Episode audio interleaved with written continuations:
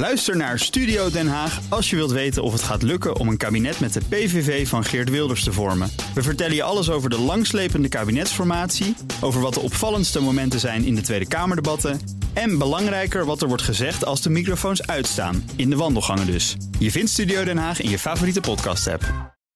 De column van Bernard Hammelburg.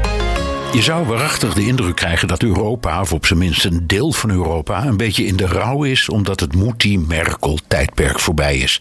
En je kunt vrijwel geen commentaar of analyse lezen of het gaat over het thema Duits leiderschap. Alsof de hele EU voortdurend smekend en onderdanig naar Berlijn kijkt. Was Moetie het toonbeeld van realpolitiek? Wat zoiets betekent als het vermijden van politieke luchtkastelen en vergezichten en handelen aan de hand van harde feiten? Of was ze kampioen kat uit de boom kijken en tot het allerlaatst wachten met het nemen van beslissingen. Ik denk het laatste. Of het nu de financiële crisis was, of de eurocrisis, of het Griekse drama, of de aanpak van corona, ze liep nooit voorop. Ze wachtte tot het laatste moment en sloeg dan toe. Het beste voorbeeld was haar opmaat naar de macht. Ze was een protégé van Helmoet Kool, die haar zijn Mädchen noemde. Toen Kool aan het einde van zijn lange carrière bleek financiële giften aan de partij te hebben doorgesluist naar politieke vrienden, was dat Mädchen ook degene die een mes in zijn rug stak. Met een vilijn opiniestuk in de krant stoten ze hem van de troon. Duitsland mag dan de grootste economie in Europa zijn. Het is in sociaal en industrieel opzicht zeker geen paradijs.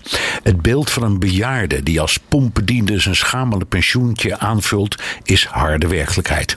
Nauwelijks AOW, laag minimumloon, kortom veel armoe. De industrie is kwalitatief degelijk, maar verouderd. Het internet is waardeloos, de infrastructuur matig. Op het gebied van innovatie en productiviteitsgroei bungelt Duitsland onderaan.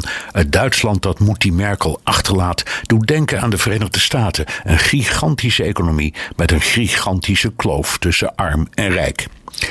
Merkel heeft de Duitse politiek en de Duitse positie in de wereld 16 jaar bijna solistisch bepaald. Dat kwam ook doordat de hele wereld, en zeker Europa, op die manier naar haar keek. Met zo'n verkokerde blik moet je oppassen. Dat zien we aan de slachtpartij in de CDU. Nu moet die Merkel wegvalt. Misschien is het een goed idee tegenover haar opvolger iets minder nederig te doen.